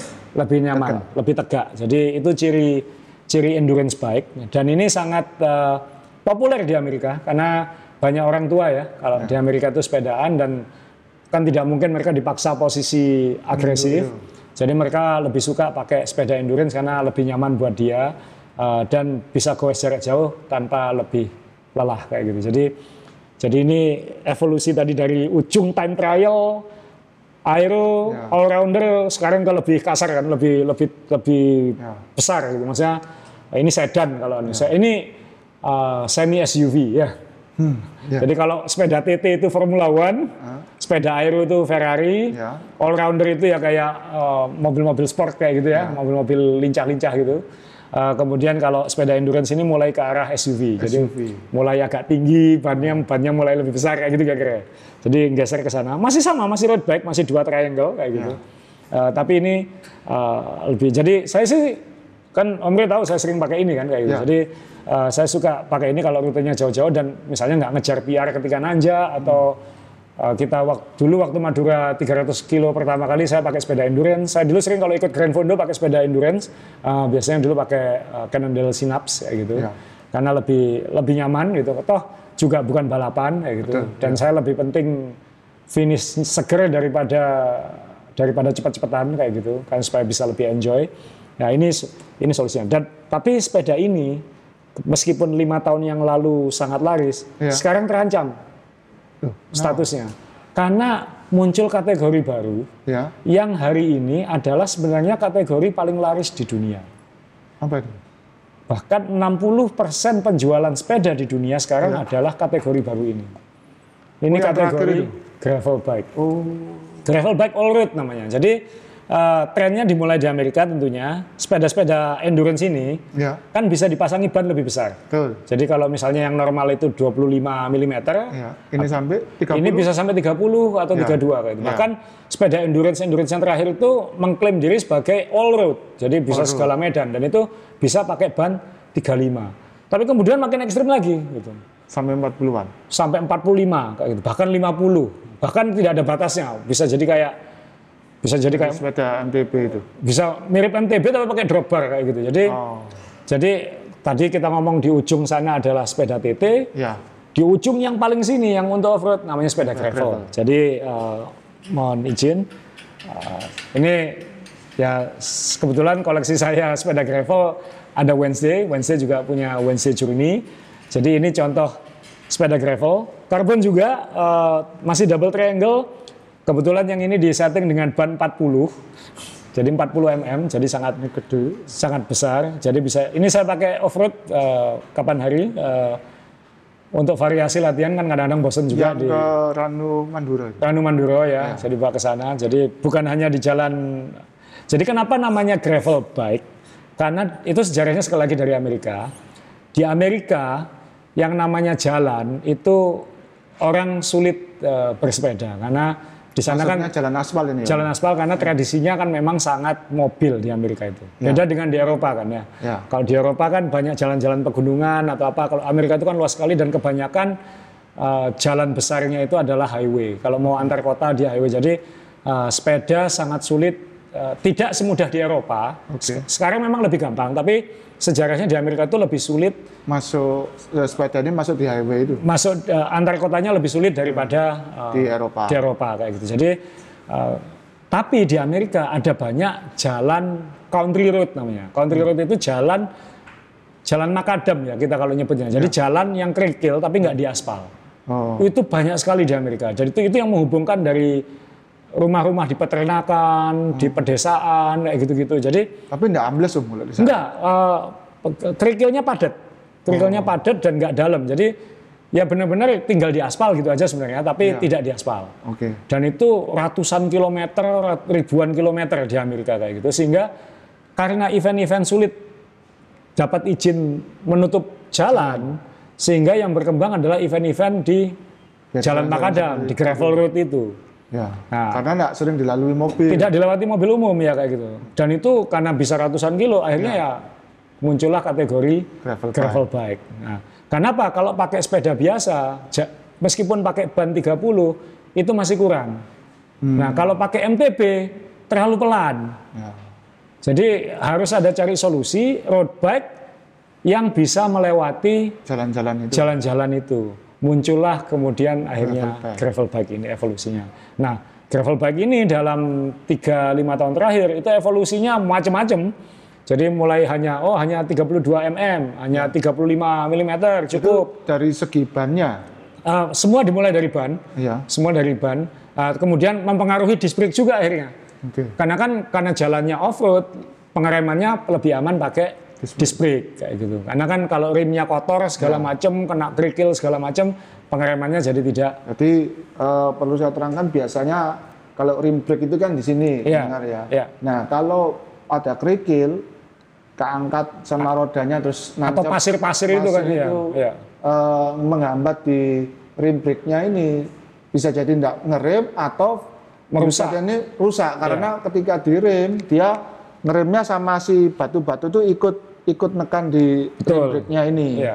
Nah, kalau pakai disc brake eh, posisi remnya ini tidak terganggu, yang direm cuman rotornya ini Rotornya aja. saja. Nah itulah kenapa di Amerika Ya. dan produsen-produsen Amerika mendorong pemakaian disc brake. Oh, Karena sepeda-sepeda roadnya pun dipakai di jalan-jalan yang seperti itu. yang seperti itu. Dan bannya pun cenderung membesar ya. cenderung ya. membesar. Jadi kan kita sekarang beli sepeda road bike aja sekarang ban 30 itu udah sangat umum gitu. Betul, dulu 23 yang dicari. Dulu 23 malah sempat 19 dulu. Ya, 19 23 biar kencang katanya kecil ya. Hmm. Iya, bannya. tapi ternyata kan enggak, kan trennya kan makin makin besar kayak gitu. Jadi, nah evolusi gravel bike itu makin ekstrim juga. Sekarang sudah ada MTB yang pakai drop bar, kayak gitu. jadi lebih ekstrim lagi. Sudah pakai double suspensi kayak gitu, full sus uh, untuk single track segala macam. Tapi ma- tapi masih menyebutnya sebagai gravel bike kayak gitu. Karena drop bar tadi. Karena drop bar. Jadi ya definisi gravel bike itu sebenarnya bukan hanya off road. Dan sepeda ini masih bisa dipakai road. Jadi kalau misalnya mau dipakai road aja, ganti aja pakai ban 28 Nah, kalau atau ban 25 bahkan. nah, pernah yang tanya ini. Hmm. kalau ini misalnya diganti ban kecil, Ya, memang agak lucu karena frame-nya tebel gitu ya. ya. Tapi secara speed apa itu bagaimana? Kalau maksudnya kita katakan aja uh, seperti ini tancepin di sini Iya. gitu. Sebenarnya fungsi dia akan seperti road bike. Tidak akan beda aja jauh. ya. Saya saya pakai ban 40 aja masih bisa lari 50 masih nyaman kok kayak gitu. Oh. Jadi ya ya memang lebih lebih angin itu lebih bub, kayak gitu ya. Tapi eh, tapi sebenarnya kan masih, Masih bisa, bisa. masih bisa. Dan buat ya mohon maaf kan tidak semua ya kebanyakan sepeda di Amerika kan juga di sana kan lebih lebih olahraga masyarakat daripada kita Iya. gitu ya. Jadi eh, mungkin dia hanya bisa mampu beli satu sepeda kayak gitu. Iya. Dia tidak mungkin punya gravel bike, punya road bike, punya aero bike. Jadi akhirnya orang-orang di Amerika lebih memilih beli gravel bike aja gitu. Toh bisa dipakai off Di road, mana-mana. bisa dipakai on road, dan nggak balapan kan kayak gitu. Ya, bukan atlet juga. Bukan atlet juga. Nah itu yang mengakibatkan akhirnya gravel bike itu jadi kategori paling laris di dunia. Kenapa? Itu terbantu oleh Amerika gitu. Ya. Karena salah satu pasar terbesar di dunia kan Ya, di Amerika. di Amerika. Hmm, Dan Jadi juga gravel bike ini menurut saya lebih uh, ramah untuk orang yang gampang lapar seperti saya. Karena saya lihat itu apa tempat-tempat untuk tasnya itu sudah disiapkan. betul. Contohnya di top tube ini ada dua baut. Nah, Ya. ini bukan buat masang plat nama atau alamat, bukan. Ini biasanya buat Tas. eh, tas top tube di sini, terus di baut bawahnya. Jadi tasnya nggak nggak goyang-goyang tetap Ya. di sini, ya, Ya. kan? Ya ini bisa isi beng-beng, bisa isi apa, enak gitu. Jadi kalau anda biasanya bawa tas yang di saddlebag, itu biasanya cuma buat ban dalam, pompa, Ya. eh, cukit itu di sini boleh. Ya. Bayangkan ketika Anda sepedaan, lalu mesti makan, nggak mungkin rogo-rogo gini, buka red slating kan sulit ya, Iya. bisa jatuh, lebih enak, saran saya lebih enak di depan ini. Tinggal ngambil gini aja ya. Ya, itu pun masih didukung yang di forknya itu kan masih ada tempat bautnya lagi dong. Ya, jadi ini lagi hebatnya gravel bike Ya. dan ini bukan hanya WNC, ini ini hanya sa- ini contoh yang kita bawa aja. Jadi semua gravel bike rata-rata sudah sudah disiapkan untuk bisa memang bisa dijadikan apa saja. Ini Termasuk sepeda yang setengah touring ya. setengah touring, ini sepeda minggat pun bisa. Oh. Karena ya tadi forknya ada baut yang bisa dipasangi panier, ya kan. Iya. Eh, Belakangnya kemudian apa? Ini dia. ini di belakang juga bisa dipasangi panier atau dipasangi spakbor Ya. fender atau dipasangi rak di belakang juga bisa. Jadi eh, tempat bottle cage pun ada tiga kan. Ada tiga. Jadi ada dua yang normal yang di sini, lalu ada satu lagi di bawah. Ada satu lagi di bawah. Jadi eh, benar-benar apa namanya? Ini benar-benar bisa untuk ini sepeda siap diajak ke mana saja. Oh. Jadi eh, saya terus terang kangen selalu kangen naik ini karena toh kita tidak tiap hari cari PR kan kayak gitu. Eh, cuman memang ya harus diakui juga di Indonesia kayaknya gravel bike juga makin laris. Jadi Ya kan di, waktu di Wednesday stok kita tinggal benar-benar tinggal satu punya saya ini. Jadi ini nggak boleh dipakai katanya. Kalau dipakai katanya nggak bisa dipajang katanya. Soalnya banyak yang tanya sama saya juga Iya. mereka berpikir eh, memilih gravel ya karena itu lebih baik yang eh, punya cadangan wheelset Iya. kalau dipakai ke jalan aspal atau jalan off road Ya. tapi paling enggak enggak ganti-ganti sepeda Cukup punya satu sepeda Cukup punya dan dua wheelset. ya Ya. terus om pertanyaannya kenapa gravel bike ini yang sering saya lihat eh chainstay-nya itu kok sisian Om? apa Oh. kok nggak asimetrik gini kenapa Coba di coba ditunjuk Bre ya. ini kan nggak sama yang sebelah kanan ini ke bawah Ya. yang eh, satunya di kiri ini lurus. Iya. Kalau saya helmnya miring aja kan banyak yang protes helmnya Iya. kok miring om gitu Iya. ya. Nah ini chainstay-nya malah miring, apa jalannya nggak miring ini? Enggak, itu pasti sudah dihitung semua. Jadi kenapa harus begitu? Ya. Karena ya untuk mengakomodasi ban yang besar tadi itu. Nah, kan Jadi tinggal dilebarin sebetulnya. tidak berkarena dia karena kemudian dia membentur ke cranksetnya. Oh, supaya nggak natap. Iya, itu. jadi dia harus natap Iya. ini chainringnya ini ya. Nah, jadi dia harus menemukan solusi. Apalagi kebanyakan gravel bike sebenarnya one by ya. Jadi Ya. depannya hanya satu chainring. Iya. Berarti kan dia lebih mepet ke BB kan kayak gitu. Betul, ya, ya. Jadi harus ada cukup ruang di situ untuk eh, cha- chainring dan crankset itu tadi.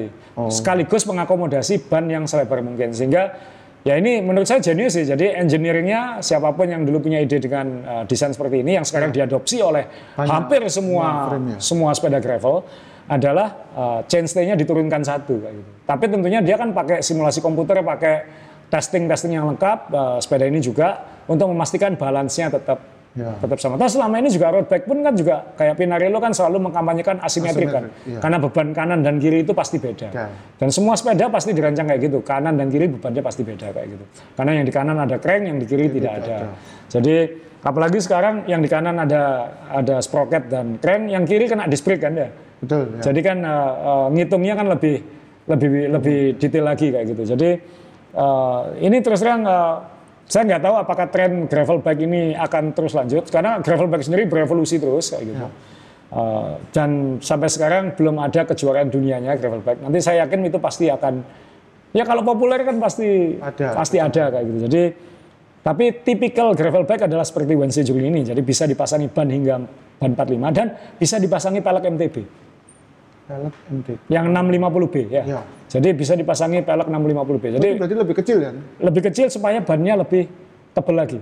Oh. Itu bisa sampai 2,1 inci. Jadi sekali lagi ini Jadi ini lebih kecil tapi ketebalannya lebih tebal. jadi secara keseluruhan masih sama kayak gitu. Ya.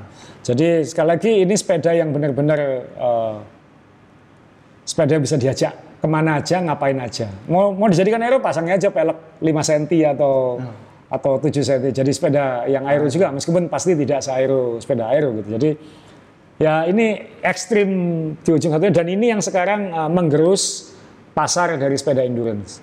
Karena sepeda endurance-nya makin lama makin Makin nanggung. makin nanggung kayak gitu. Jadi ya ini ini gravel bike. Uh, sebelum kita tutup sebenarnya ada satu contoh sepeda lagi, Uh, Mas Pram tolong ya.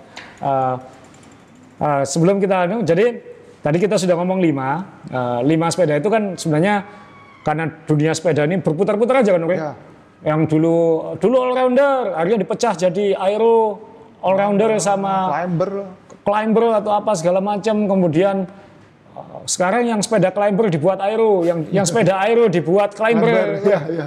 jadi uh, sekali lagi ja- jangan mudah membacanya tadi yang Bre bilang ya lebih aero itu kenapa Iya. Uh, lebih ringan itu kenapa karena pada intinya adalah saya tanya ke Om Re, sepedanya mau dipakai untuk apa kayak gitu. Betul, ya. Nah, kalau untuk alasan praktis, kalau orang Amerika tadi daripada beli dua sepeda off-road sama on-road, beli sepeda gravel aja. Bisa buat dua-duanya kayak gitu. Ya. Nah, kalau road bike yang untuk dipakai di jalanan, beli sepeda. Kalau saya, Kak Omri dan saya kan termasuk kolektor, jadi mungkin dia pengen punya semua. Tapi kan kita harus pahami nggak semua orang mampu kan Omri ya, kayak gitu. Jadi kan dia, Kita, kita cuma satu orang. Om. Ya. Jadi pakai sepeda itu tidak mungkin satu hari, eh maksudnya tidak mungkin bersamaan pakai dua sepeda kan. Iya. Kaki sini satu, terus kaki sini satu Iya. kan tidak mungkin. Jadi mungkin, ya, ya. tetap yang dipakai cuma Satu. satu, sepeda Iya. gitu. Kan harus gantian gitu. ya. ya. jadi sebenarnya eh, arahnya ke mana? Kalau saya lihat sekarang sudah mulai ngerucut ketiga lagi sebenarnya. kayak gitu. Ketiga lagi. Jadi eh, sepeda TT tadi pasti tidak tergantikan karena memang ada kategorinya dan ada kejuaraan dunianya dan ada triathlonnya. Jadi Betul. sepeda TT akan terus berevolusi ke dunianya, ke, Ya. ke arahnya. Kemudian sepeda gravel pasti Ya. sudah menemukan dunia yang besar sekali sekarang. Jadi nanti event-event gravel akan terus berkembang di seluruh dunia. Uh, nah, yang di tengah-tengah ini yang akan terus geser ke kanan, geser ke kiri. Uh, all roadernya ini yang akan terus geser-geser. Malah gesernya bukan hanya ke aero atau ke ke endurance kan, tapi Iya. kan juga sekarang Ringan-ringanan. beberapa tahun yang lalu itu weight winnie kan ya. Istilah weight winnie itu kan ngetren sepedamu oh ini berapa kilo, berapa kilo gitu. Sempat lomba ringan-ringanan sepeda itu kan Ya. sempat sempat rame gitu. Benar. Belakangan itu nggak terlalu rame karena Ya. trennya adalah aero is everything kayak gitu ya. Betul, ya. Nah, ini kayaknya mulai muncul indikasi akan muncul ringan-ringanan lagi gitu. Oh, Karena eh, ada desainer sepeda top namanya Gerard Vroomen. Iya. Eh, dia itu dulu desainernya Cervelo, ya, salah satu pendirinya Cervelo. Eh, dia yang mendesain sepeda-sepeda legendaris Cervelo dulu itu. Yang saya sukai dulu kan, yang Cervelo yang saya sukai Iya. yang dulu-dulu bukan yang sekarang. Yang desainnya dia. Jadi eh, dia sekarang punya perusahaan namanya Open. ya. Uh, Open itu termasuk yang mempopulerkan gravel bike. Oh. Karena dia yang mendesain uh, apa Open Up itu kan ya. Ya. Open Up itu uh, unbeaten path namanya. Jadi jalan yang tidak dilewati. Jadi Hmm. up UP itu unbeaten path. Jadi dia termasuk salah satu yang merancang chainstay miring itu. Miring tadi itu. Ya, itu dia. Uh, nah, sekarang belakangan dia ngeluarin lagi Open Mind namanya. Open mind. Mind. ya. Ya. Dan itu sepeda yang dibuat sangat ringan. Oke. Jadi kembali ke zaman dulu ketika Cervelo ngeluarin Cervelo RCA itu Iya. yang, yang uh, satu-satunya Cervelo yang made in California ya waktu itu. Iya. Jadi uh, yang dibuat sangat ringan gitu. Nah, uh, dulu ketika tren-tren ringanan itu ya mohon maaf karena saya kolektor saya juga ikut-ikutan kan kayak itu. Jadi Mas Ian bisa tolong uh, ini ada contoh kalau mau sepeda ekstrim ringan ini salah satunya. Jadi Specialized habis ini akan keluar sepeda yang Ya. yang seperti ini. Ya. Uh, tentunya karena ini era disc brake dia pakai disc brake, tapi Anda akan melihat bentuknya sangat mirip dengan ini. Uh, Ringan karena ini diterjemahkan biasanya sama bahasa marketing ini climbing ya climber climber Bike, bike, bike, climber Ya. bike, Jadi ya. kalau mau climbing pakai ini gitu. Nah, Padahal perlu dicatat sekali lagi yang ringan sepedanya, Iya. bukan orangnya. bukan orangnya. Teman saya yang pinter nanja tidak pernah beratnya 80 biasanya. Iya. Jadi ya perlu dicatat yang ringan sepedanya. bukan orangnya. Bukan Jadi orangnya. tidak akan semua karena sekali lagi 80% kalau aero 80% orangnya. Ya. Bobot kan kalau di sistem penuh ya, misalnya sepedanya 6 kilo, orangnya 80 ya tetap 80 kilo orangnya, 6 kilo sepedanya. Makanya saya tuh sering mangkel sama teman-teman saya yang ringan-ringan tuh. Iya. Ya, cobaan apa kamu apa bawa beras dua sak gitu rasanya ya apa kan gitu ya. Ya. Beras 20 kilo tak suruh masukkan ransel gitu kan biar Dibawa rasa- sambil nanjak, iya. Bawa sambil nanjak gitu kan lain rasanya kakimu kan gitu. Jadi ya itu itu analogi yang betul. Jadi ini eh, kira-kira tahun 2016 kalau nggak salah 2017. Jadi ini merek perusahaan Jerman namanya AX Lightness. Mungkin familiar ya karena banyak komponen merek AX Lightness eh, antara itu handlebar, stem, crank, wheelset kayak gitu-gitu. Tapi ini semua sama frame-nya ya. Ini hampir semua kecuali remnya ya, eh, rem dan group set. Ini ini eh, adalah AX Lightness. AX Lightness ini sebenarnya bukan perusahaan sepeda, bisnis utamanya. Bisnis utamanya adalah ya memang eh, industri atau eh, dunia bisnis yang membutuhkan bahan karbon. Salah satunya adalah motorsport. Jadi eh, kalau kita melihat mobil-mobil Formula One, Ya. Eh, misalnya kayak Red Bull atau Toro Rosso yang sekarang namanya Alfa Tauri itu kan tidak semua komponen mereka buat sendiri, pasti di outsource-kan. Nah, AX Lightness ini adalah perusahaan yang menerima pesanan-pesanan itu. Jadi kalau misalnya pengen uh, sayap mobil Formula 1, sirip mobil Formula 1, sirip mobil-mobil balap, itu itu bisnis. Dan ini jualan anu apa? Kebetulan salah satu pendirinya itu penghobi sepeda. Oh, enggak maksudnya perusahaannya itu perusahaan karbon gitu. Perusahaan karbon ya, teknologi karbon di Jerman. Jadi karena pendirinya waktu itu salah satunya penggemar sepeda dan dia ingin menonjolkan teknologi karbonnya, dia bikin yang namanya uh, sepeda-sepeda sepeda-sepeda balap ini dan dia murni menonjolkan ringan. murni menonjolkan ringan. Jadi ini sepeda kalau tidak salah uh, 5 kilo pas ya, malah sempat 4,9 kalau Oh, nggak salah. enggak boleh ikut lomba, terlalu ringan. Tidak boleh karena aturan UCI hanya 6,8 kilo ya minimum. 6,8. Jadi ini lebih ringan 1,8 kilo. 1,8 kilo. Jadi ini sepeda ilegal untuk di balapan UCI. Uh, bukan hanya frame-nya ya, karena ini uh, frame-nya mungkin hanya 600-700 gram, tapi komponen keseluruhannya ini membuat sepeda ini hanya 5 kilo. Jadi kalau Anda lihat semuanya ini serba ice liners dan karbon. Um, forknya ini buatan THM, uh, merek merek THM yang, uh, terkenal itu. sama kerennya Clavicula. Kerennya, tapi ini kerennya merek uh, AX Lightness uh, sendiri, wheelsetnya juga AX Lightness, remnya e-brakes. Uh, sebenarnya ada rem yang lebih ringan lagi, tapi saya ngeri waktu pakai turunan. Saya merasa nggak nyaman, nggak aman gitu. Jadi saya trail karena semakin ringan rem, powernya juga berkurang. Jadi karena masih rim brake, jadi ini pakai e-brakes. Dia yang beratnya separuhnya rem Dura Ace, tapi powernya sama kayak gitu. Uh, jadi saya suka pakai itu. Uh, seat post, saddle, stem, handlebar, bottle cage, semuanya uh. AX Lightness. Uh, uh, karena ini waktu itu kita beberapa teman di Indonesia pesen khusus, jadi dikasih nama di saddle, ada nama saya di saddlenya di sini. Uh, jadi ini namanya uh, AX Lightness Vial Evo Ultra. Uh, saya nggak mengira sepeda, saya pikir sepeda seperti ini akan punah. Ternyata kembali lagi. Ternyata kayaknya akan kembali lagi karena sudah ada open mind dan Specialized sebentar lagi akan ngeluarin sepeda yang yang jualan ilegalnya itu. Jadi Oh, jualan ringan yang jualan ringannya itu. ringan ilegal itu. nanti. Eh, saya kira sudah ada dibocorkan eh, sepeda itu. Jadi eh, tapi harus diingat sepeda-sepeda seperti ini ada batas bobotnya. Jadi Oh, yang naik maksudnya. yang naik tidak boleh kalau tidak salah sepeda ini adalah 85 kg. Jadi Oh, masih bisa saya sekarang. Nah dulu 85 kg itu bukan hanya orangnya. Ya. 85 kg itu sistem weight. Wah, nasib. Jadi sepeda total ditambah orangnya. Wah, enggak bisa. Berarti Anda nggak bisa naik ini kan ya? bisa. Dan tolong jangan dinaik, ini kalau patah nggak ada gantinya kayak gitu Ya, ya. ya, enggak, enggak, enggak saya pinjam. Jadi eh, ini weight Winnie eh, Ya. memang semakin ringan sepedanya semakin ringan nanjaknya Ya. karena jujur saya ada PR saya yang dicatat pakai sepeda ini. Jadi kalau itu balapan UCI itu ilegal kayak gitu.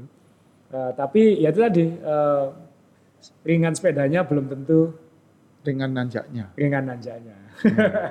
Jadi ini ini contoh ekstrim dari all rounder tadi yang yang dibuat seringan mungkin. Nanti evolusi ke depannya kan sekarang sudah kelihatan sepeda all rounder itu aero, ringan, Dan yang apa, Dan endurance, nyaman. endurance ya. dan endurance sama. Jadi semua Dan- jadi satu. Dan eh, produsen pasti berusaha menggabungkan tiga aspek ini jadi satu Jadi kan. ya. satu ya. Walaupun ya biar bagaimanapun pasti ada satu yang lebih menonjol kan Iya. gitu. Ya nanti tinggal geser-geser lagi. Nanti mungkin eh, tiga tahun lima tahun lagi mungkin aero lagi atau atau nanti mungkin eh, sepeda TT yang bisa dipakai nanjak karena handlebarnya bisa dinaikkan. kan kita nggak tahu perkembangan teknologi dan regulasi UCI seperti apa. kayak gitu. Nah, jadi kesimpulan dari semua ini, jadi kita cukup panjang nih Om Rey, bahas tentang jenis-jenis eh, road. Kita belum bahas tentang jenis-jenis komponen ini, belum ngomongin disc brake dan rim brake, hanya ngomongin tipe saja. Jadi eh, moga-moga ini bisa ngasih gambaran ya ke teman-teman ya. Jadi kalau ada yang tanya, jadi kalau sekarang saya ada yang tadi nanya ke Om Rey, Om kalau beli Helios 900 atau beli Polygon seri C pilih yang mana? Ya saya jawab ya dicoba aja paling gampang. Ya. Kalau dari sisi aero saya kira nggak, unda-undi ya. terlalu. Tidak Saya terlalu. juga bilang kalau sepeda aero, climbing apa juga kembali ke orangnya. Ya, Karena aero pasti menghemat ketika jalannya flat. ya. Berarti dia menyimpan tenaga untuk Nanjak. nanjak, ya kan. Nah, ketika sepedanya ringan, jangan kaget kalau di jalannya itu flat dan berangin, pasti lebih eh, lebih gampang leang ya bahasanya lebih. Iya, ini ini benar ringan. sekali. Jadi kalau naik sepeda ini, ketika nanjak memang kita merasakan waduh kayak eh, dikasih bantuan gitu ya. Ya. Tapi ketika datar, aduh emang eh, kayak kita harus mengeluarkan energi ekstra untuk bisa melaju karena semakin ringan sepeda kalau melawan angin semakin gampang Ya. didorong ke belakang juga kan kayak karena gitu kan. ringan. Karena ringan. Sedangkan sepeda besi atau sepeda-sepeda yang berat-berat itu ketika melawan angin atau ketika di datar dia seperti bandul ke depan kayak Ya, gitu. relatif lebih stabil karena dia berat kan. Karena nggak- daya beratnya itu membantu mendorong ke Membantu, depan. ya. gitu. Sedangkan ini ringannya membantu kita ke belakang gitu. Jadi ya itu Jadi tadi. ringannya ini akan dipakai ketika menanjak, Ya. gaya gravitasinya yang melawan gaya gravitasinya tidak terlalu eh, parah karena ringan, kan Ringan. gitu. Kebalikan dari yang flat tadi, yang berat itu modal yang bagus ketika flat karena membelah angin dengan berat itu lebih lebih nyaman, lebih enak ya. Jadi Ya. tidak perlu terlalu walaupun tubingnya walau, eh, sepeda besi, Ya. walaupun tubingnya bunder-bunder gitu kan, ya tetap aja lebih nyaman ya Ya. karena berat. Nah, ketika itu ringan dia eh, akan semakin ya tadi itu kalau kena angin semakin gampang kesurung ke apa terhalang ke belakang gitu ya. Jadi harga yang harus dibayar ketika nyaman di flat itu akan dibayar ketika menanjak, nyaman di tanjakan pasti eh, susah di flatnya kira-kira gitu. Jadi pembuat sepeda itu akan mencari sweet spotnya antara dua ekstrim ini Akhirnya all rounder lagi. all rounder lagi ya All-rounder lagi. kembali kembali lagi Ya. di di situ lagi Ya, jadi memang kalau ditanya begitu kan kita sulit menjawab ya, karena ya. kayak kamu pengen apa? Aku pengen cepet mas, tapi tapi modelnya keren yang ini. Sekarang saya tanya, kamu pengen kelihatan keren atau pengen fungsional sehari-hari? Ya. Jawabannya bukan di Omri, bukan di saya. Ya, di jawabannya pengguna- ada di teman-teman semua kayak Nah, gitu. pengguna masing-masing Pengguna masing-masing. Kalau misalnya, oh ya saya pengen yang ringan aja, tapi goesnya cuma ke, ke coffee shop, ya juga ya. kalau Agak- itu semua sepeda enggak apa-apa itu semua sedan nggak apa ya kan ya. semua sepeda enggak apa-apa ya Ya, jadi eh, ya tergantung kita kembali ke Anda, tapi moga-moga dengan podcast hari ini adalah teman-teman bisa lebih eh, apa ya, lebih punya wawasan, lebih kritis dalam menyikapi bahasa-bahasa marketing di sepeda. pembuat sepeda ya Jadi kalau bilang ini lebih aero, kenapa aeronya? Iya. ini climber bike Ini climber bike. kayak. Ya. Ini Tapi ya climbernya bagaimana kan gitu. climbernya bagaimana? Memang yang ringan tuh pasti lebih nyaman untuk menanjak itu memang pasti betul. Tapi kalau kota Anda atau tempat tinggal Anda seperti di Surabaya untuk ketanjakan itu mesti 35 km dulu. Iya. Ya siksaannya di 35 km waktu berangkat dan waktu pulang. Jadi harus dua kali ya, waktu berangkat dan waktu pulang. Iya. Nah, teman-teman yang di Solo cenderung lebih dekat dengan Tanjakan. gunung. Iya. Jadi ketika keluar rumah langsung sudah naik, sudah Dan, dan jangan sampai percaya gini ya, ini sepeda enak ditanjak karena di kotanya mungkin jauh dari gunung, adanya hanya overpass. hanya jembatan penyeberangan Ya, atau apa? Overpass itu. Dan, wah ini ini ditanjakan overpass itu, itu bukan tanjakan ya. Ya. Itu semua sepeda juga bisa karena Ya. cukup pendek kayak gitu. Jadi ada banyak tanjakan kan ada yang bilang loh Mas Asri bukannya yang dulu tanjakan pertamanya yang ke sini belum. Bilang dulu saya mungkin menganggap itu tanjakan, tapi melihat sekarang saya tidak melihat itu sebagai tanjakan. ya paling enggak itu 9 kilo lah tanjakan itu ya. Tinggal gradiennya berapa ya, ya. eh, konstan minimal setengah jam lah ya, Ya. atau 20 menit yang yang Nah, 15-20 menit yang kalau kita masih bisa melaju kita manusia umum masih bisa melaju 30 km per jam ya kira-kira itu belum tanjakan lah itu jalan miring lah kayak gitu ya. Jadi sekali lagi eh, dan juga eh, dengarkan juga siapa yang ngomong kan Om Rey ya kayak gitu ya. Eh, saya bukan climber jujur, Om Rey juga bukan climber. Bukan. Saya bukan pembalap, Om Rey juga bukan pembalap. Ya. Uh, tapi kita punya pengalaman uh, koleksi sepeda. Kita Mencoba punya lah. ya mencoba berbagai macam sepeda. Ya Dan yang lebih mahal ini Om Ah. kita semua punya pengalaman salah beli sepeda. betul. Ya. Jadi uh, karena termakan omongan, ya.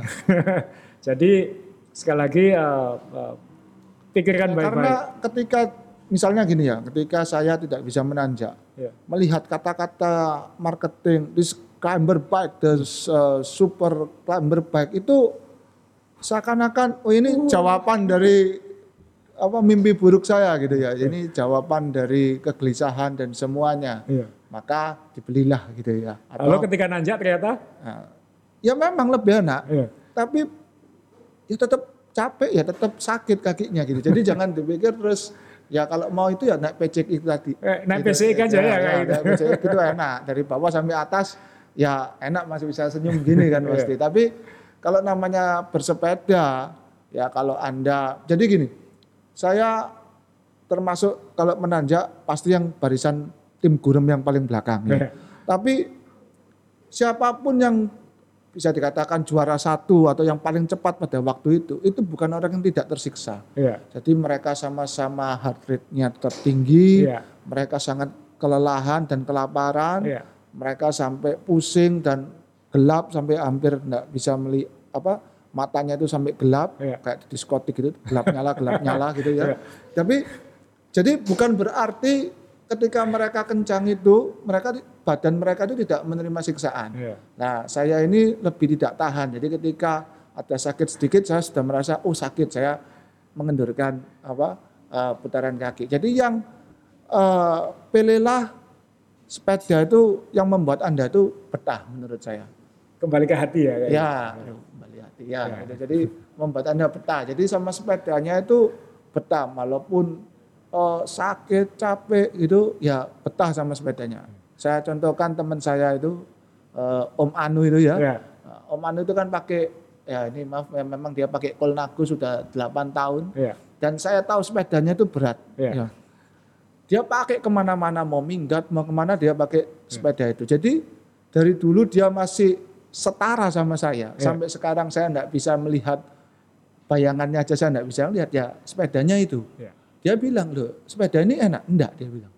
Enggak. Dia bilang enggak ngembot ini dia Ya. bilang. Tapi ya sepedanya itu. Ya. Nah, sekarang ya memang nggak ada hubungannya tapi maksudku eh, ternyata ya sepeda Kolnago yang dulu dibilang orang ini eh, Ini karena nggak- generasi yang lama sekali ya, ya, ya, ya. enak begini-begini buktinya juga sekarang juara Ya. baru orang angkat topi iya ini sepedanya enak gitu Ya. karena yang Tour de France kali ini juara jadi kembali lagi ke orangnya Ya. gitu kalau saya pakai sepedanya di Tour de France itu ya tetap nggak juara gitu. Ya. jadi maksud saya ya kembali kayak si Om Anu ini sangat akrab, sangat nyaman sama sepedanya. Ke mana-mana ya dia sama sepeda itu, walaupun dia sudah punya sepeda yang lain, dia bilang ya beberapa kalau untuk jarak jauh dia lebih memilih sepedanya itu. Jadi bukan ukuran yang eh, harus mati. Oh ini pasti anak buat nanjak. Iya, Ya. tapi jangan perbandingan itu akan jadi eh, menyakitkan ketika Anda mencoba membandingkan itu sama teman Anda yang eh, rajin latihan atau teman Anda yang sudah biasa ditanjakan. Ya. Jadi sepeda climber itu enak hanya untuk diri sendiri. gitu. Ya enak itu lima menit, sisanya ya sama aja, sama aja capek. gitu. Ya. Ya, jadi Om Bro sudah curhat dengan sepenuh isi hatinya tentang tentang bagaimana wah ini ini slogannya Honda nih one heart supaya ya. satu hati dengan dengan tunggangannya kayak gitu. Jadi terserah itu mau climber bike, mau aero bike, mau TT bike, mau gravel bike, kalau Anda merasa itu satu hati dengan sepedanya, ya, nikmatilah sepedanya kan kayak gitu. Ya. Jangan terlalu mudah termakan omongan ya tadi. ya itu tadi. Jadi Nah, karena yang ditawarkan itu eh, ya paling enggak paling gampang ya, satu lagi ya, paling gampang untuk sepeda itu anak apa ya pinjam yang punya lah, ya pinjam yang punya. pinjam rasakan dulu atau Ya. tes ride dulu. Ya. Eh, sekali lagi ini bukan apa-apa, saya mohon maaf kalau menyinggung perasaan banyak orang. Banyak eh, pelaku industri sepeda atau pemilik toko sepeda di Indonesia ini tidak sepedaan. Itu itu harus di digarisbawahi. Beda kalau kita ke luar negeri rata-rata cyclist semua kayak gitu. Eh, jadi eh, mereka belum tentu pernah menanjak Bromo, mereka belum tentu pernah eh, apa namanya? Jangan-jangan mereka juga nggak bisa naik climber bike karena lewat weight limit. Ya. Nah, eh, kadang-kadang mereka juga hanya pintar ngompori baik itu di sosmed maupun secara omongan, tapi dia sendiri belum tentu pernah merasakan limit sepeda itu. Dan saya sendiri juga nggak bisa bilang karena sendiri juga bukan atlet, saya tidak saya tidak bisa memaksakan sepeda ini sampai kemampuan sehebat apa pun saya ini sepeda pasti bisa jauh lebih hebat lah. Yang semua sepeda, Ya. semua sepeda pasti bisa lebih hebat daripada ketika saya yang naik. Kayak gitu. Betul, ya. Jadi ya intinya ya tadi eh, ya bro ya, yang penting anda senang dengan sepeda itu, anda satu hati ya, dengan sepeda itu, eh, dan ketika membeli atau memilih ya gunakan akal sehat tadi. Maksudnya dunia sepeda ini terus berputar, tren terus bergeser, eh, khususnya yang di tengah-tengah all rounder tadi akan terus bergeser. Jadi ya sekali lagi terserah sepeda mana, yang penting nikmati sepedaannya. Ya, yang poinnya tetap sepedaan lah, jangan sampai merasa wah ini sepedanya enggak enak, saya salah beli terus lalu uh, mutung atau berhenti bersepeda lah itu yang Jadi ya itu tadi kesimpulan dari kita. Jadi ya semoga ini bermanfaat. Mohon maaf kalau ada menyinggung perasaan dan mohon maaf kalau misalnya ada informasi yang kurang pas atau kurang jelas. Ya. Uh, terima kasih sudah sabar mendengarkan kita menjelaskan tentang sepeda. Uh, Moga-moga ketemu lagi di episode berikutnya. Terima kasih. Terima kasih.